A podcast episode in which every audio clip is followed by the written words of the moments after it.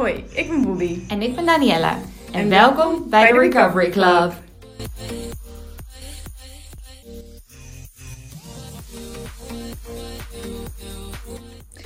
Hallo allemaal, welkom bij een nieuwe aflevering van de Recovery Club. Ik heb vandaag voor de afwisseling mijn inwissel beetje weer in, dus er gaat een, een klein beetje geslis komen. Eh, dus be prepared. Ehm, hoe is het met jou, Bobby, vandaag?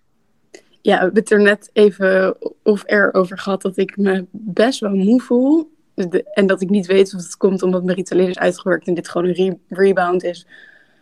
Of gewoon omdat... Ik ben ook niet fysiek moe of zo. Ik ben echt gewoon meer een beetje zo mentaal. Dat je echt denkt van... Hè, wat gebeurt er allemaal om me heen? Ja. Ik heb denk, misschien gewoon ook wat te lang aan school gezeten. Ik weet niet. Ik had zo'n saai college vandaag. En daar zat ik gewoon twee uur lang naar te luisteren, naar die vent. Dus misschien dat dat er ook in mee heeft gespeeld. Maar verder gaat het wel goed, gelukkig. Dus dat is fijn. En ik hoorde ook, ja, ja, ik, ik hoorde dat, eh, dat, dat dat weer bij jullie ook best wel lekker is. Dus dat is ook een, een, eh, een voordeel. Dat klopt, dat klopt. De zon schijnt. Het is gewoon... Ik had een trui aan en ik was aan het fietsen en ik had het warm. En ik had geen jas aan. Heerlijk. Ja, Wat lekker. Ja, we, zijn, we hebben hier ook echt een nazomer in, eh, in Frankrijk. Het is echt eh genieten. zo mooi weer. Het is echt, nou, ik zit alleen maar binnen hoor. Ik zit alleen maar te werken. Het is voor mij. Ik, ehm, ik ben vandaag ook echt, ik moet heel eerlijk zijn. Ik dacht echt vandaag, ik heb, krijg echt een paniekaanval. En ik heb denk ik in al. Oh my god, ik kan me niet eens, kan me niet eens meer heugen wanneer ik de laatste keer een paniekaanval heb gehad. Maar ehm, ik had namelijk, nou dat weet jij als geen ander. Ik had een, eh, een, een eh, podcast eh, interview met ehm, een collega van mij.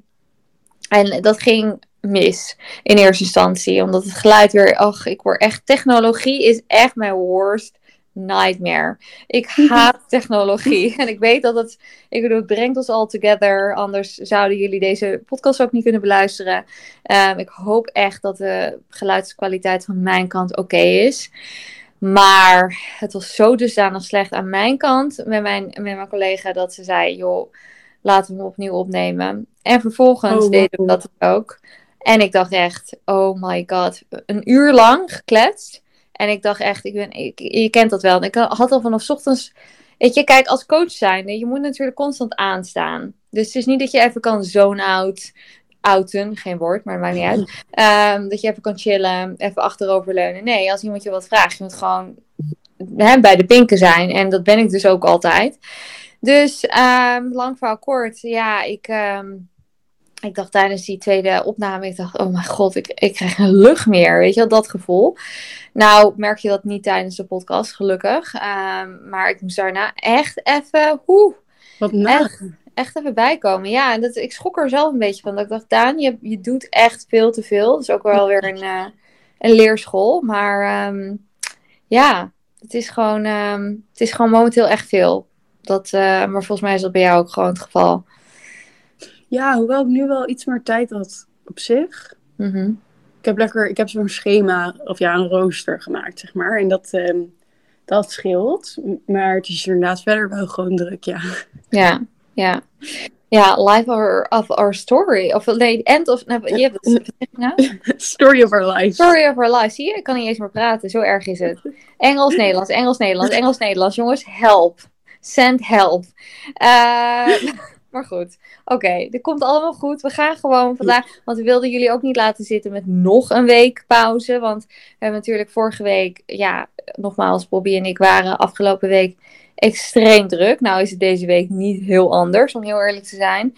Maar we vinden het zo belangrijk om nog steeds ehm, ja, een podcast uit te brengen. Dus bij Ja. deze. Ja, Eh, en ik denk wel dat het ja. misschien ehm, dat, het, dat het tegenwoordig wat vaker gaat zijn. Dat we misschien een week overslaan of op een andere dag online komen.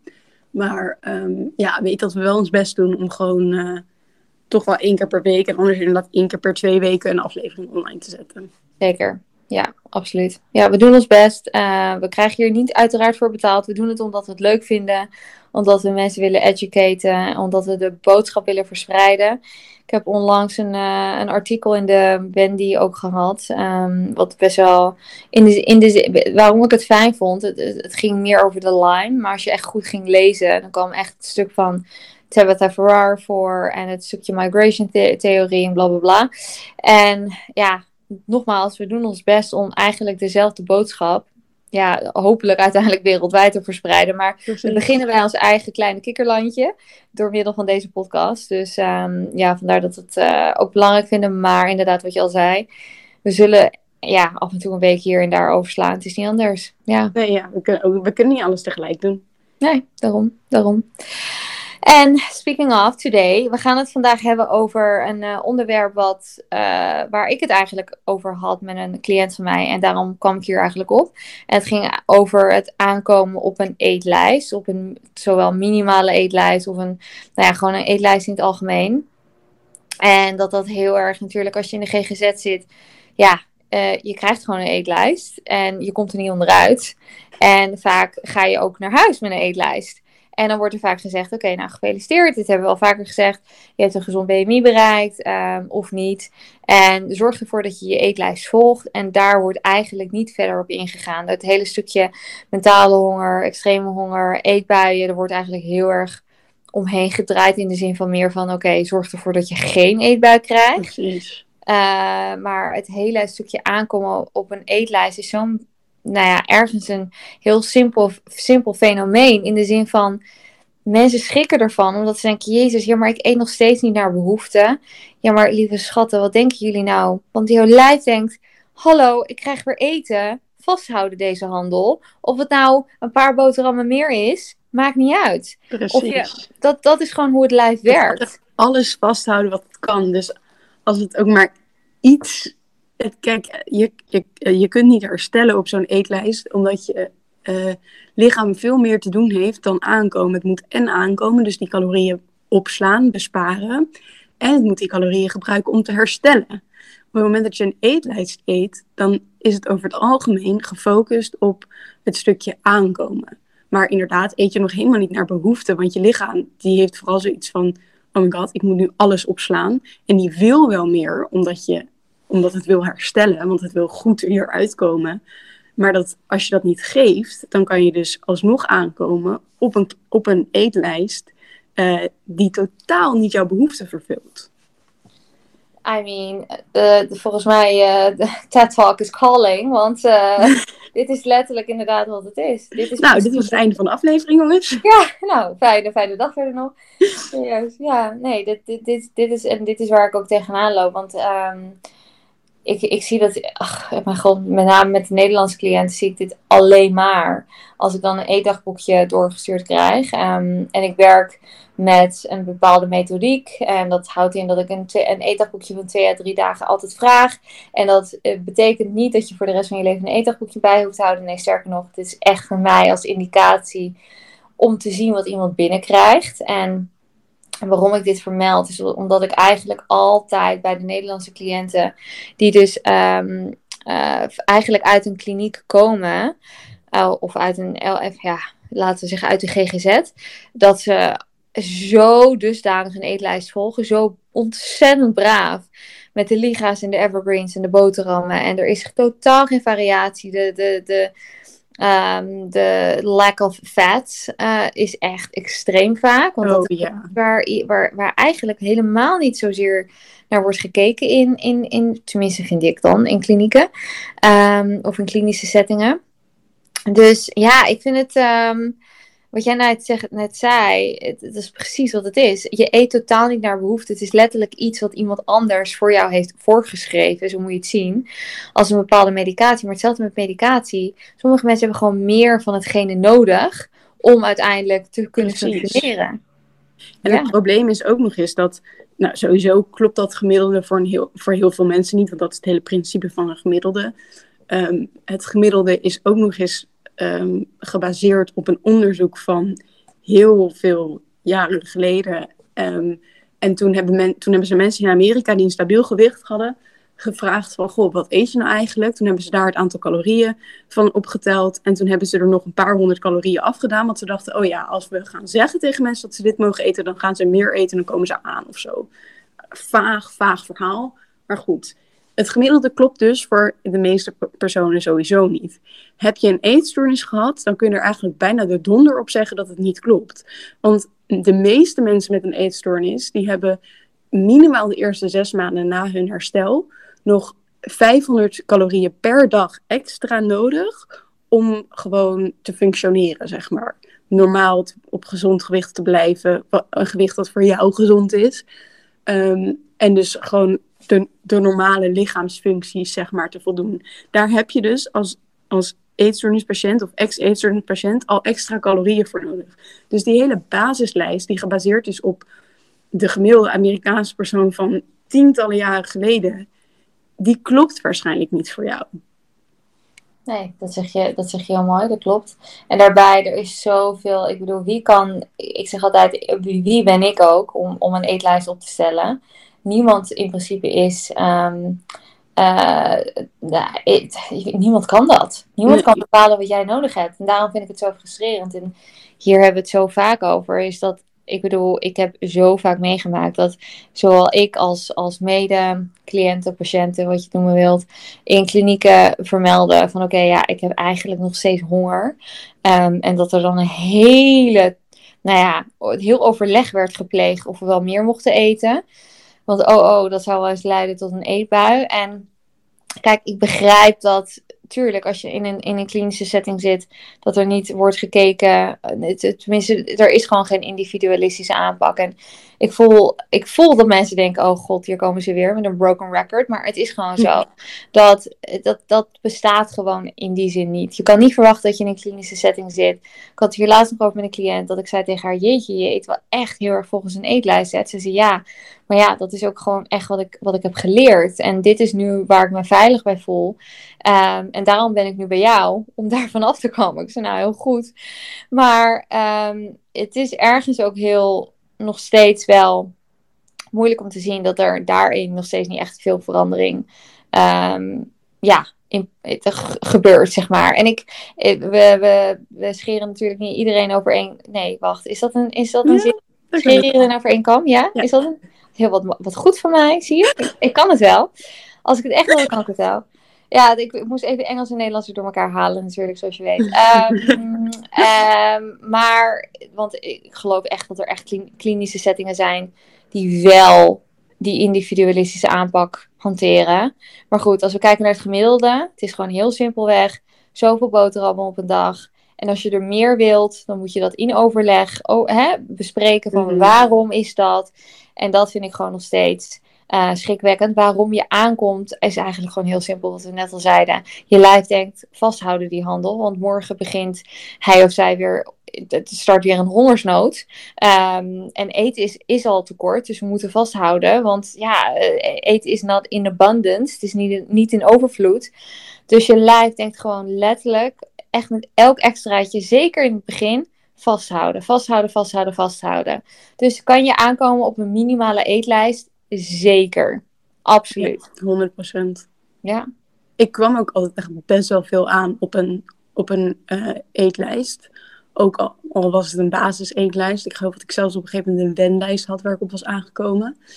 Um, en ik dacht echt, nou, ik mag dus voor de rest van mijn leven, moet ik gewoon minder gaan. Zeg maar, ik moet aankopen tot een gezond gewicht. Um, wat natuurlijk ook weer, ik had daar natuurlijk prachtig een, een gewicht voor in mijn hoofd. Ik moest aankomen tot dat gewicht.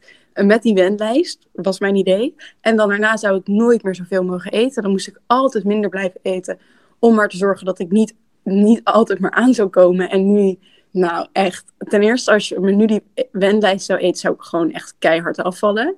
En ten tweede, als je me nu die wendlijst zou, zou geven, zou ik echt gewoon de hele dag honger lijden.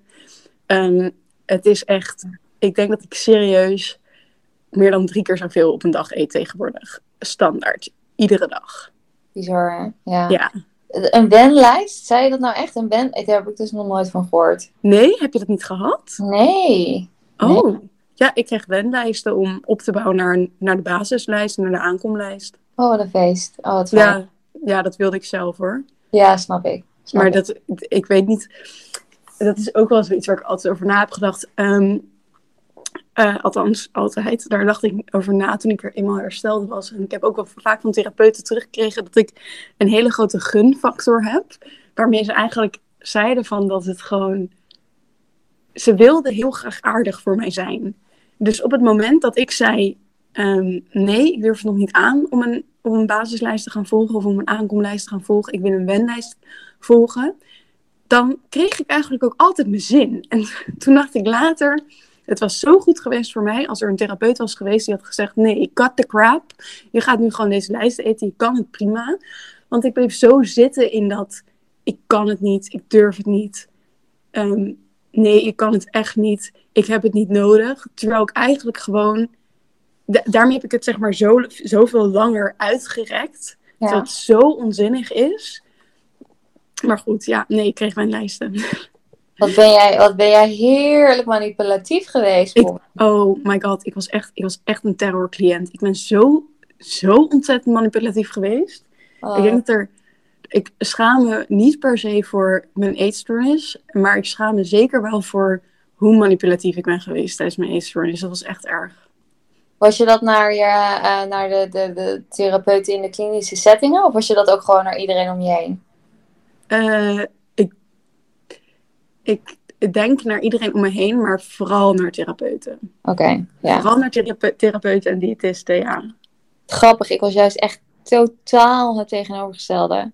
Ik deed echt, ja, vandaar dat ik ooit mijn lasagne verhaal heb verteld uh, in een post. En misschien ook een keer op een podcast, ik weet het al niet eens meer. Maar, um, uh, en dat, dat ging erover, dat is een anekdote, dat ik, um, we kregen een gigantische lasagne. Misschien heb ik het al eens een keer, als ik het een keer eerder heb verteld, moet je me echt even correcten. Nou, ik, ik ken het verhaal in, in ieder geval vanuit je post. Ik geloof niet dat je hem ooit in de podcast hebt verteld. Nee, hè? Nee. nee. Nou ja, het was gewoon zo. Ik zat in, in een klinische setting. En we kregen echt een uh, laagse lasagne voorgeschoteld. En iedereen kreeg echt een gigantisch stuk. Um, en ik vind het nog steeds objectief gezien een gigantisch stuk. Maar goed, hè? ik ben type A, obedient, volgzaam. Ik doe alles wat iedereen wil. Dus ik at braaf mijn lasagne stuk op. Halverwege echt, nou ja, zo vol zitten dat je denkt, ik kan niet meer. Maar toch doorgaan. Ik zat alleen maar naar mijn bord te staren. Daan, doorbikkelen, doorblikken. Je, kan dit, je kan dit. Ik zal mezelf zelf een soort van pep talk te geven, joh. Van, van je welste. Geweldig. Uh, maar goed, vervolgens, I look up. Guess what? Niemand heeft echt gewoon nog maar de helft opgegeten. En zat helemaal sippend zo een beetje zo naar hun bord te kijken. En uh, ook verbazingwekkend naar mij natuurlijk. Wat de fuck heb jij gedaan? Dus ik voelde me zo kut. Trouwens, dat is echt de eerste keer dat ik echt een paniekaanval heb gehad. Echt, echt, echt. Want ik ging naar huis. En, want ik sliep daar niet. Um, en ik, ach mijn god, ik dacht... Ten eerste, ik zat zo vol. Ik had me nog nooit zo vol gevoeld in mijn, echt mijn hele nou ja, uh, eetstoornisperiode, zeg maar. En dus dat was al een heel ding. En lasagne was voor mij al een major fear food. En niemand had ook maar echt een, echt, nou ja, gewoon, laten we zeggen dat de, de, iedereen minder dan de helft op had. Dus ik was letterlijk de enige die, die mijn bord leeg had gegeten.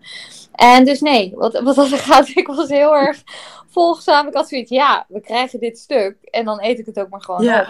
Maar als ik kijk naar mijn moeder, oh my god, ik was echt, ik was terror. Ik was, je kent nog wel de Gouden Kooi, Terror ja, ja. geloof ik. Nou, ik was er, ik was er niets bij. Echt, het was, het was echt verschrikkelijk. Ik was een feeder. Ik was, uh, ze mocht niks meer van mij. Ze mocht niet meer sporten. Ze mocht dicht niet. Oh. En, en dan ook altijd zo van, nou, dan stop ik ook met eten. Oh ja. Als zij dat deed, weet je wel? Zo. Ja.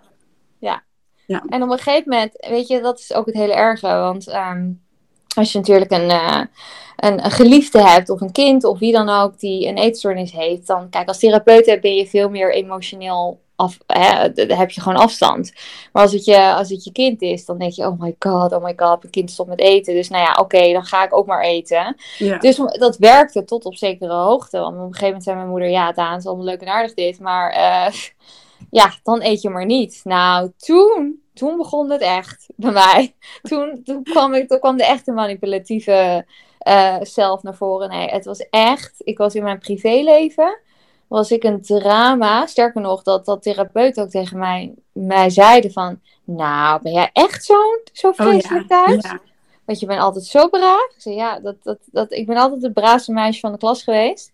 Maar als het gaat in mijn, ehm, naar mijn moeder toe. Maar ik bedoel, als kind zijn was ik ook heel braaf.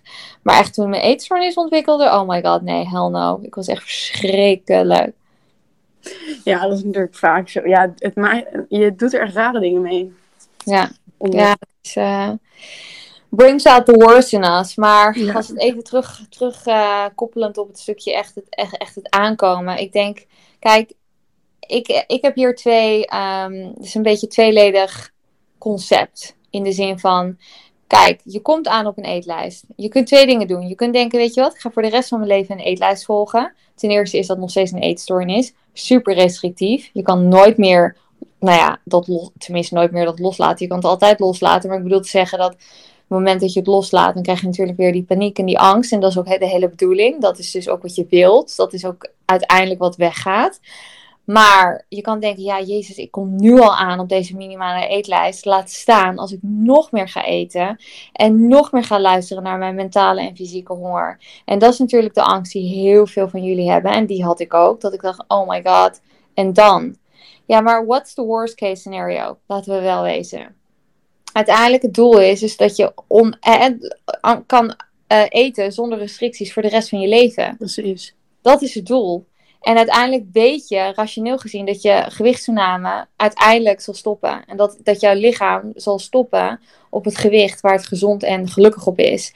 En ja, dat kan een tijdje duren. Dat is, dat is het ding. Wij, weten, wij kunnen jou nooit vertellen wanneer dat stopt. Eh, niemand kan jou dat vertellen. Geen kliniek, geen arts, geen diëtiste, niemand. Dus als ik, zo, ik had op een gegeven moment zoiets van: oké, als ik nu al aankom op een minimale eetlijst, wat eigenlijk heel saai is en heel restrictief. Ja, let's go doggy. Let's go. All the way. Dan Dat had ik op een gegeven moment ook.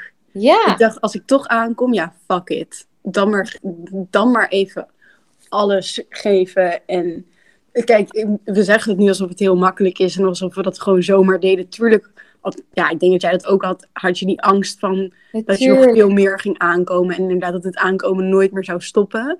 Maar dat was echt de beste keuze die ik ooit heb gemaakt. Om gewoon te zeggen, oké, weet je, als ik hierop aankom, dan maar gewoon even echt aankomen. En we kijken wel waar het schip strandt.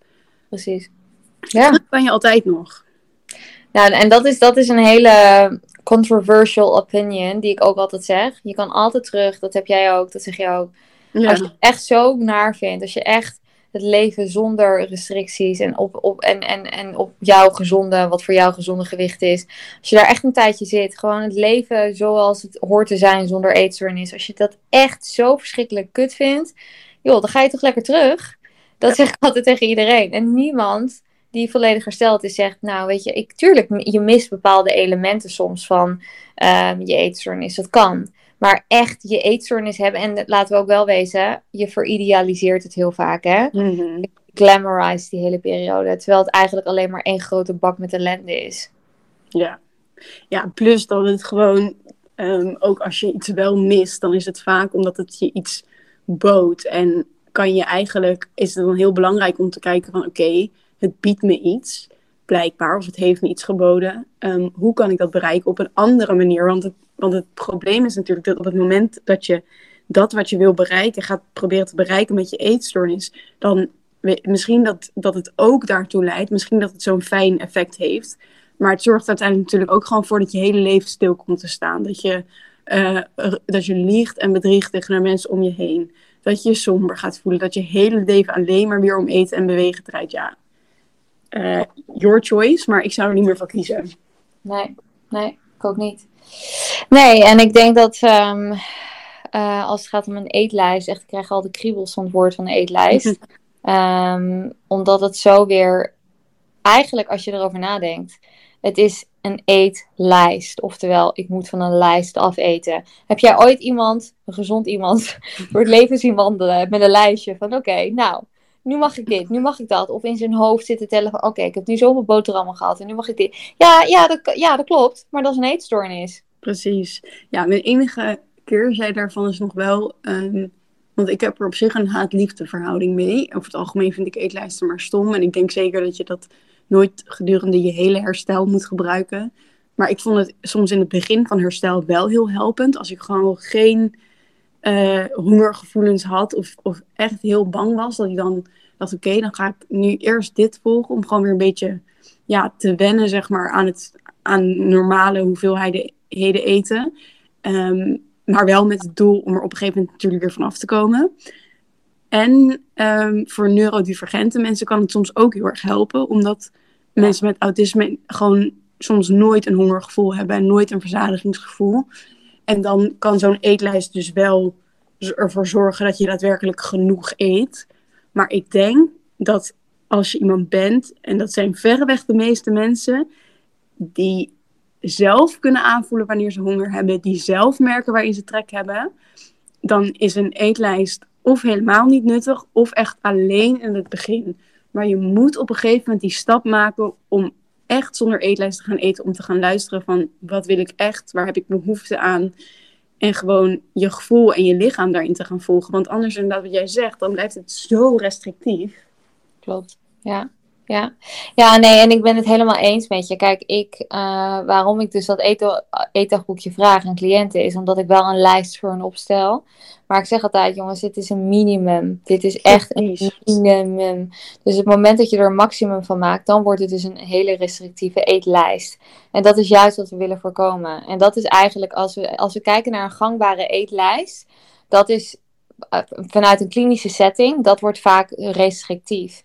Dus ik ben het helemaal met je eens. Zeker inderdaad met neurodivergente mensen, daar, waar, waar, waar ik ook mee werk. Ik zeg ook heel vaak van, zet een alarm. Of zorg er in ieder geval voor, ik noem het ook wel mechanical eating. Ik doe het zelf ook. Als ik, als ik me niet lekker voel, dan moet ik ook gewoon mechanisch eten. Dan moet ik gewoon zorgen dat ik voldoende binnenkrijg. Maar doe ik dat via een lijst? Nee. Nee, absoluut niet. Nee. Maar het kan zeker, het heeft zeker een, it serves a purpose, zeker in het begin. Maar het moment dat je merkt dat het te rigide wordt, en dat wordt het helaas al heel snel, um, ja, da daar moet je dan op een gegeven moment van zien te leren afwijken. En dan naar andere dingen te gaan kijken, waar je ook het stukje mentale honger is natuurlijk eigenlijk wordt niet vaak meegenomen.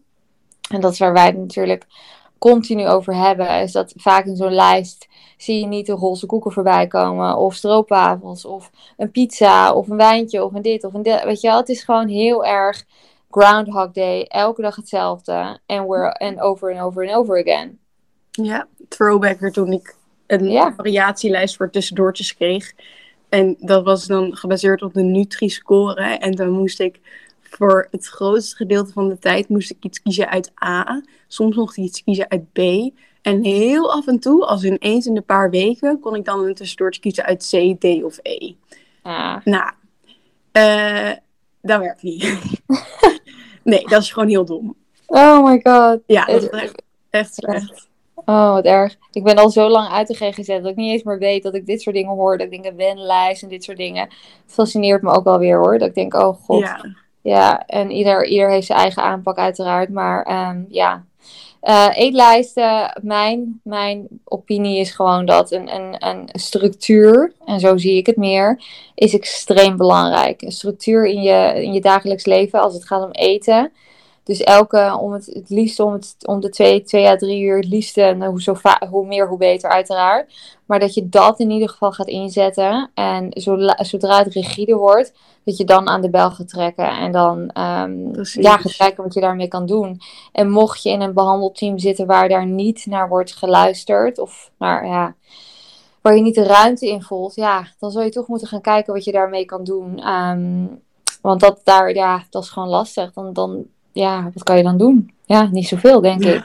Nee, dat is altijd lastig, want uh, idealiter zou ik zeggen van, nou, zoek een ander behandelteam. Maar goed, we weten allemaal dat met de wachtlijsten en zo, ja, is dat soms gewoon niet de beste optie. Ja. Um, dus weet je, we zien je als je niet uh, zomaar kan afwijken van je, van je eetlijst. Maar probeer dan inderdaad, als je bijvoorbeeld thuis komt, om dat dan toch te doen. En uh, ja, zo'n eetlijst is inderdaad gewoon een richtlijn, een minimum en niets meer dan dat. Precies, ja. Ja, en pak het boek van Tabitha erbij. Rehabilitate, Rewire, Recover. Voor degenen die het nog niet hebben gelezen. Echt, koop hem nu. Ehm, wacht niet. Het is zo'n belangrijk boek om te lezen. Omdat het echt je ogen opent. En nou ja, daar leer je ook heel veel over. Want ik kan me ook voorstellen dat sommige mensen denken... Huh, ja, mijn eetlijst is toch hoe je herstelt? Ja. Als je weer nieuw bent en je denkt... Waar hebben die mensen het over? Uh, lees dat boek en dan snap je wat meer waar we het over hebben. Maar ja, ik zit te denken, heb jij nog bepaalde dingen om toe te voegen, Bobby? Uh, nee, ik denk het niet. Ik denk dat mijn overall message gewoon is dat een eetlijst in het begin kan werken en dat aankomen op een eetlijst heel normaal, maar uiteindelijk niet voldoende. Je moet gewoon op een gegeven moment van een eetlijst gaan afwijken. En het kan heel goed zijn dat je dan, ook al zit je al een hele tijd op zo'n eetlijst, gewoon uh, toch nog meer honger hebt dan dat je op die eetlijst zou hebben. En dat je dus meer eten nodig hebt. En daarin klopt het dus ook niet wat behandelaren zeggen, in, in mijn, naar mijn mening. Dat um, je moet wennen aan deze normale hoeveelheid. Ik vind dat echt ongelooflijke onzin. Want je moet je lichaam gewoon eten geven waarmee het zichzelf en kan herstellen en kan aankomen. En heel vaak op een aankomlijst van een paar honderd gram per week moet je lichaam kiezen tussen een van die twee. Het is of aankomen of herstellen. En dan kan het dus zoveel langer duren. Ja. Plus dat je inderdaad gewoon je mentale honger totaal niet aanpakt. Nee, en, en nog als, als laatste um, ding is dat eating induced hunger. Heb ik laatst ook een post over geschreven. Is dat als je meer gaat eten, ervaar je vaak ook meer honger. En dat is een heel erg normaal biologisch fenomeen. Dat staat ook prachtig beschreven in het boek van Tabitha. En dat is ook iets wat totaal natuurlijk niet wordt meegenomen in zo'n eetlijst. Want vaak, ik merkte ook dat als ik meer ging eten, als ik vanuit een hele erge periode van restrictie kwam en ik ging meer eten, door middel van het volgen van een eetlijst, wat meer was dan wat ik bijvoorbeeld gewend was. Jezus, Mina, dan kreeg ik toch een partijtje honger. Maar dan werd er letterlijk gezegd: nee, je mag niet meer, want dit is de lijst die je moet volgen. En je moet opbouwen of dit is het. Dat moet je je voorstellen. Dus inderdaad, wat jij zegt, dat, dat ja, beaam ik nog maar even. Um, jouw lijf geeft aan wat het nodig heeft. En that's it. Niemand kan jou vertellen wat je nodig heeft, behalve jouw lijf. Precies, als ik het niet nodig zou hebben, zou ik het echt niet vragen. Precies, ja. Alright, nou dan uh, eindigen we uh, hier, denk ik, toch? Ja, ja. Ik, ik, heb zelf ook niks meer toe te voegen of aan te vullen. Dus hopelijk zijn we er volgende week weer. Um, we gaan ons best doen. En mocht het niet zo zijn, dan zijn we er zeker de week daarna weer. Misschien is het nu om de week. We moeten even kijken naar onze agenda's, wat, uh, wat mogelijk is. Maar dankjewel voor het luisteren en wij zien jullie hier volgende week. Tot volgende week. Tot volgende week.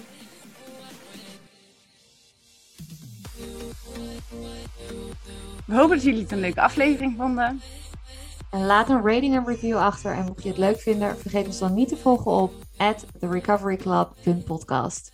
Dan zijn we er heel graag volgende week weer. Tot volgende week. Doei doeg!